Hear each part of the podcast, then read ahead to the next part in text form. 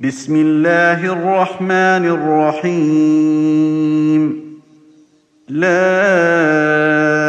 أقسم بهذا البلد وأنت حل بهذا البلد ووالد وما ولد لقد خلقنا الإنسان في كبد أيحسب أن لن يقدر عليه أحد؟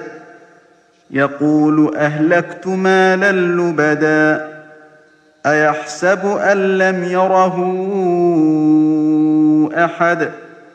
ألم نجعل له عينين ولسانا وشفتين؟ وهديناه النجدين فلقتحم العقبة وما أدراك ما العقبة. فك رقبة أو إطعام في يوم ذي مسغبة.